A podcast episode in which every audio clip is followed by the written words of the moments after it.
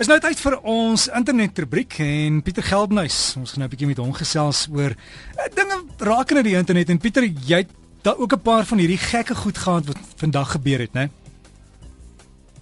Ja, Derek, ek uh, was baie interessant. Een April is altyd 'n interessante omgewing vir um, al die vir, vir alles wat gebeur op die internet ook en uh, Google het natuurlik nie teruggestaan um, met die een april grappe nie. Hulle het uh, uitgekom met 'n produk wat hulle Google Nose genoem het, soos Google Neus.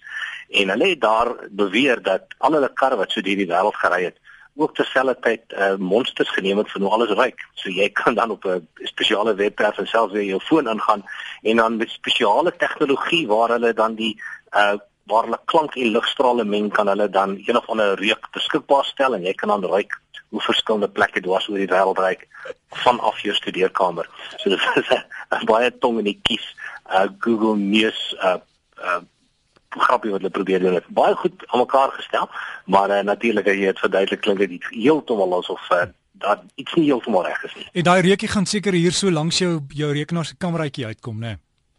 Heeltemal reg. Wat, wat baie interessant was, as mense nou 10 jaar terugkyk in die geskiedenis, dan was daar 'n maatskappy wat probeer het om dit werklik te doen. Hulle het 'n spesiale toestel wat jy moes koop en dan kon dit sekere reuke doen. Maar uh, hier in die jaar 2000 het hy uh, ongelukkig nie gemaak finansiëel nie, maar baie interessant hoe die geskiedenis uh, homself herhaal. En 1 April het ook op ander plekke kop uitgesteek.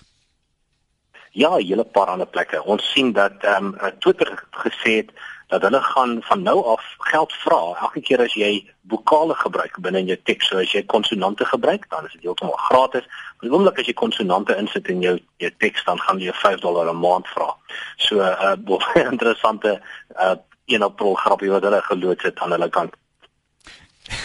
en jy het nie geval daarvoor nie, né? Nee? Wel, ehm um, kyk partykeer is dinge baie baie goed gedoen, maar ek dink hierdie was 'n bietjie dik vir 'n dollar. Uh in Suid-Afrika was daar die webwerf Tech Central en hulle het uitgekom en gesê dat van nou af omdat die regering of of die inkomste diens nie al hulle teikens gaan bereik nie, gaan hulle van nou af wye band begin belas. En as jy so R500 'n maand betaal, gaan jy so R250 meer betaal. Uh hulle het 'n bietjie probleem gehad met die uh, wye band koneksie wat jy nou nie kan meet presies hoeveel jy gebruik op 'n maand nie maar hulle het verwag jy gaan so 500 of 1000 rand ekstra betaal en 'n hele paar mense het natuurlik daardeur gevang. Uh natuurlik uh nuus 24 of nuus 24 het uh, ook met 'n opsie uitgekom dat die 12de offisiële taal natuurlik Mixelese gaan wees. So almal wat Mixit gebruik, gaan hulle uh gaan as 'n nuwe taal geklassifiseer word. Ongelukkig natuurlik nie baie mense gevang vir daai nuus. Op die trek het so 'n paar jaar gelede was daar een van die radiostasies in Amerika wat wat op die 1 April het hulle al hulle naweek aanbieders afgegee en op die Sondag wat die 1 April was het hulle al die ouens wat op 'n Maandag werk gekry om aan te bied. So daar's verkeer, nuus, alles en die helfte van die mense het uit die bed uit gespring en gaan werk. baie interessant. En ek een van die beste April 1 grappies wat ek gelees het, was 'n was 'n persoon iewers in Alaska wat so 'n hele klomp bande binne 'n ou vulkaan ingery het en toe op 1 April hierdie uh, klomp bande aan die aan die brand gesteek en toe almal na die ou vulkaan kyk dis hulle klomp rook uittrek en almal was te bang dat die vulkaan hier van uitbarsting genees. Dit is een van die meer interessante 1 April grappie. My vrou is natuurlik baie goed daarmee. Sy het al 'n hele paar vir die afgelope 12 jaar elke keer my uitgevang, maar ek dink dis baie ehm um, ek wil dit nie heeltemal op die lug alles weergee waar waar sy my of al die probleme waar sy my deurgesit het nie. Maar die beste ene was toe sy sê een of ander skip het in Valsbaai ingevaar en ek het regtig gedog daar was 'n skip wat in Valsbaai ingevaar het. maar sy is baie goed daarmee, so ek dink sy is definitief 'n beter persoon om te vra sê. Maar maar Pieter mens, een, mense is baie meer vatbaar vir alles wat op die internet is want hulle hulle glo alles op die internet is die waarheid. Heeltemal reg, heeltemal reg. Ek het jy vanoggend ek mee gepraat het direk, dog ek ons moet vanmiddag eene doen waar ons uh, gaan sê maar aangesien jy nou televisie kan kyk op jou selfoon, uh, gaan die regering binnekort vereis dat jy jou televisielisensie moet kry as jy 'n selfoon moet aankoop. So buite in jou uh, adres verblyf en natuurlik identiteitsdokumente gaan dit belangrik wees om ook jou televisielisensie te hê. En uh, ek weet jy daar's 'n paar mense gewees wat al verval, miskien ons volgende jaar gebruik. Ja, volgende jaar want ek ek dink mense gaan baie kwaad word en hulle sê maar ons het klaar televisielisensie. So hierdie sal dan 'n addisionele een wees vir jou selfoon uh, definitief reg. Daar's 'n hele paar ander ene, 'n YouTube het ook natuurlik gesê aangesien hulle hele paar miljoen uh, video grepe het, het hulle die 1 April vandag in 2013 aangekondig as hulle laaste dag wat hulle nuwe video's gaan ervaar en dat hulle 'n spesiale prys gaan gee vir die beste video wat tot die webwerf uh, bygevoeg is. So YouTube het besluit Miskien is dit 'n goeie idee. En 'n hele paar mense het natuurlik uitgevang met daai ene. So Pieter, jy het seker nog ander planne ook daar gemaak om dalk volgende jaar, jy het nou die een genoem, maar het jy ander goed daar in die mou?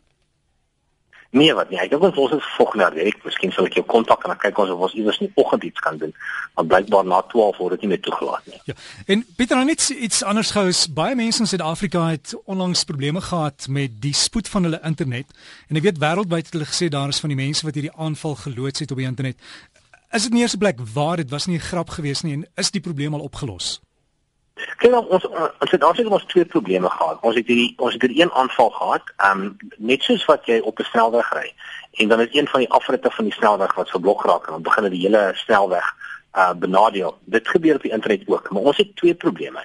Die ene was dat ek dink net buite Egipte ehm um, is is ons Seacom kabel gesny. Dit is ons hoofverbinding met die vasteland van Europa en dit is beskadig en ehm um, die mense het baie hard gesukkel om addisionele kanale te kry om ons te koppel. Dit is een probleem. En tweedens uh, is die internasionale internet geraak deur die probleem waar ehm um, van die van die instellings wat in Switserland hard daarop uit is om die sogenaamde gemorspos wat jy binne in jou e-pos aanblik het te stop.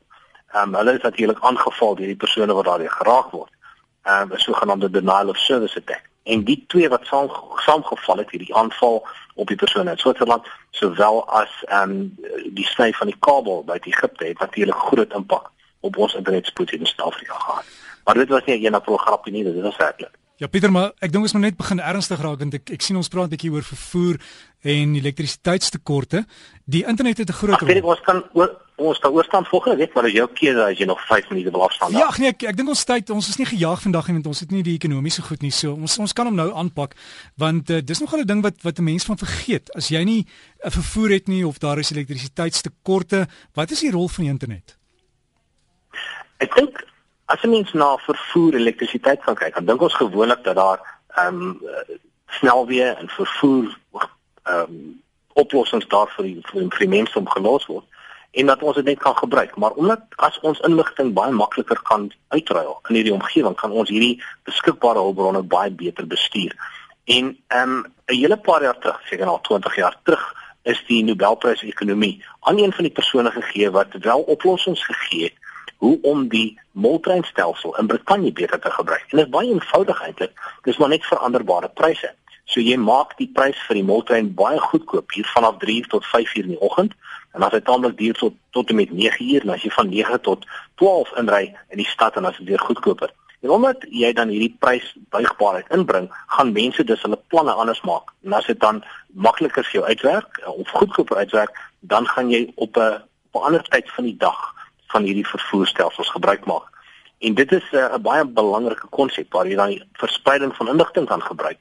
Ehm um, natuurlik met die uh, nodige riglyne en ehm um, beleidshulpmiddels en met die verspreiding van inligting kan jy mense dan in staat stel om besluite te neem om goedkoper ehm uh, oor die weg te kom.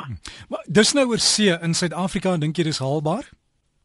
Ek dink dit is. Jy kan op die goudtrein dieselfde model gebruik. Jy kan selfs die e-tol wat miskien later in die jaar ehm um, implementeer gaan word, miskien nie, maar as die e-tol stelsel wel geïmplementeer word, kan jy 'n veranderbare prysmodel inbring. Jy kan sê as jy vroeg die oggend ry, voor half 6 die oggend of sê maar na 9, dan gaan jy minder betaal vir jou e-tol tussen Johannesburg en Pretoria. En dit gaan natuurlik 'n impak hê wanneer mense gaan ry en dit gaan natuurlik 'n impak ook hê op wanneer jy verkeersstrope gaan hê.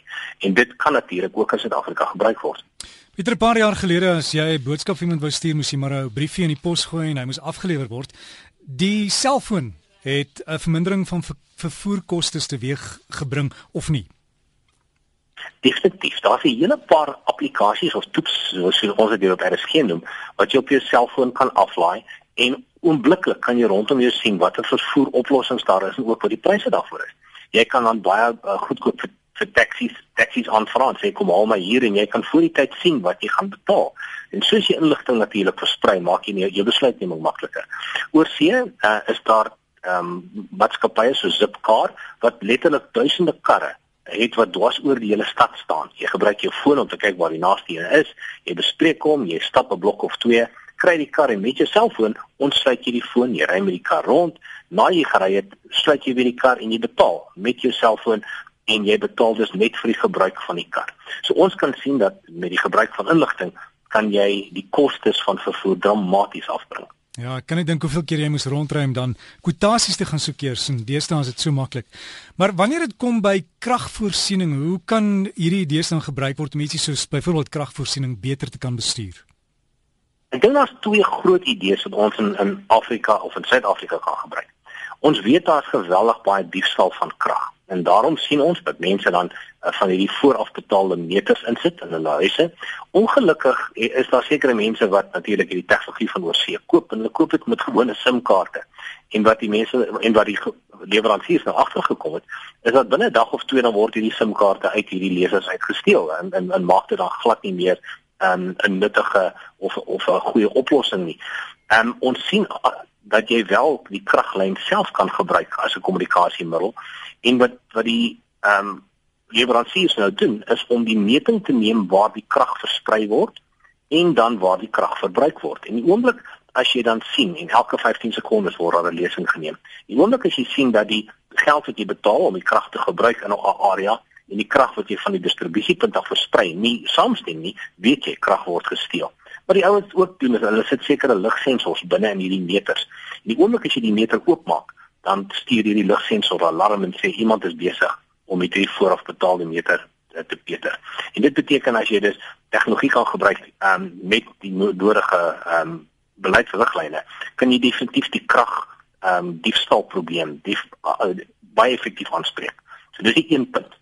Die ander belangrike punt is ook dat um, ons daarna moet kyk in die toekoms om veranderbare pryse vir krag te hê. Dit beteken as ek in die vroeë oggendure my um, pomp aanskakel of my geyser aanskakel met by waterverwarmer, kan ek baie minder daarvoor betaal as die kragprys laer is. So as jy dan 'n uh, platform kan skep waar jy mense kan inlig en sê vir die volgende halfuur is krag goedkoper, maar gebruik dit nou om jou water warmer te maak, dan kan jy die die um, die balans wat jy nodig het om krag te versprei baie beter bestuur. Dit beteken almal gebruik op dieselfde tyd krag nie.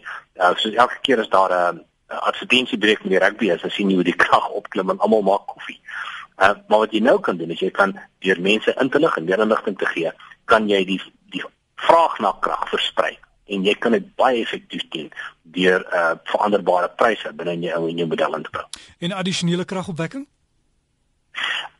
Vir 'n lang tyd sê mense, miskien is dit moeite werd om 'n klomp sonpanele en uh wind kragopwekking op jou eie huis te gebruik. Die probleem is jy moet dan die uh, krag stoor in batterye. En dit is baie duur om hierdie krag te stoor want jy moet dit dan na batterye stoor om weer onttrek. Die regte model eintlik is om mense toe te laat om self krag te op te wek binne hulle huise en dit te verkoop aan die netwerk. So jy kan byvoorbeeld deur die dag kan jy dan krag opwek via sonpanele en dan verkoop jy hierdie krag terug aan die netwerk. En in die aand wanneer jy krag dan nodig het, dan trek jy weer die krag van die netwerk af, uh, amper gee of 'n neem model. Van die ouer meters kan jy dit wel vandag al, al doen, soos jy krag genereer, druk jy dit terug in die netwerk en in die meter uh jy weet uh, draai in 'n ander rigting, maar dis 'n die, die ou meters wat dit gebruik. Maar ek dink vanaf 'n beleidsrigpunt is dit baie belangrik om te kan sê dat ek wil hê dat almal in Suid-Afrika moet deelneem aan die opwekking van krag. En jy kan via die internet hierdie ehm um, hele inisiatief bestuur en jy kan ook die pryse bestuur. En hoe wonderlik sal dit nie wees as ons dan ons eie pryse wat ons vir krag kan betaal kan verminder, jouself krag op te wek te terugdruk in die in die netwerk en en in die aande wanneer ek 'n klein bietjie krag nodig het, net vir daai krag betaal nie. Ek dink ehm um, deur 'n klein bietjie ons kop oop te maak aan nuwe geleenthede kan ons baie baie ander dinge in Suid-Afrika regkry. Ja Pieter, mens kan net jou kop skud want die goed is besig om net so vinnig te verander. Ons gaan dit almal nog doen. Ek hoop so. Uh, ek dink dit is baie belangrik. Ek dink ons sal nie ons sal nie daarsonder kan klaar kom in die toekoms nie. Op Pieter, daar gaan ek jou laat. Alles van die beste. Geniet die res van jou maandag. Alsite mooi.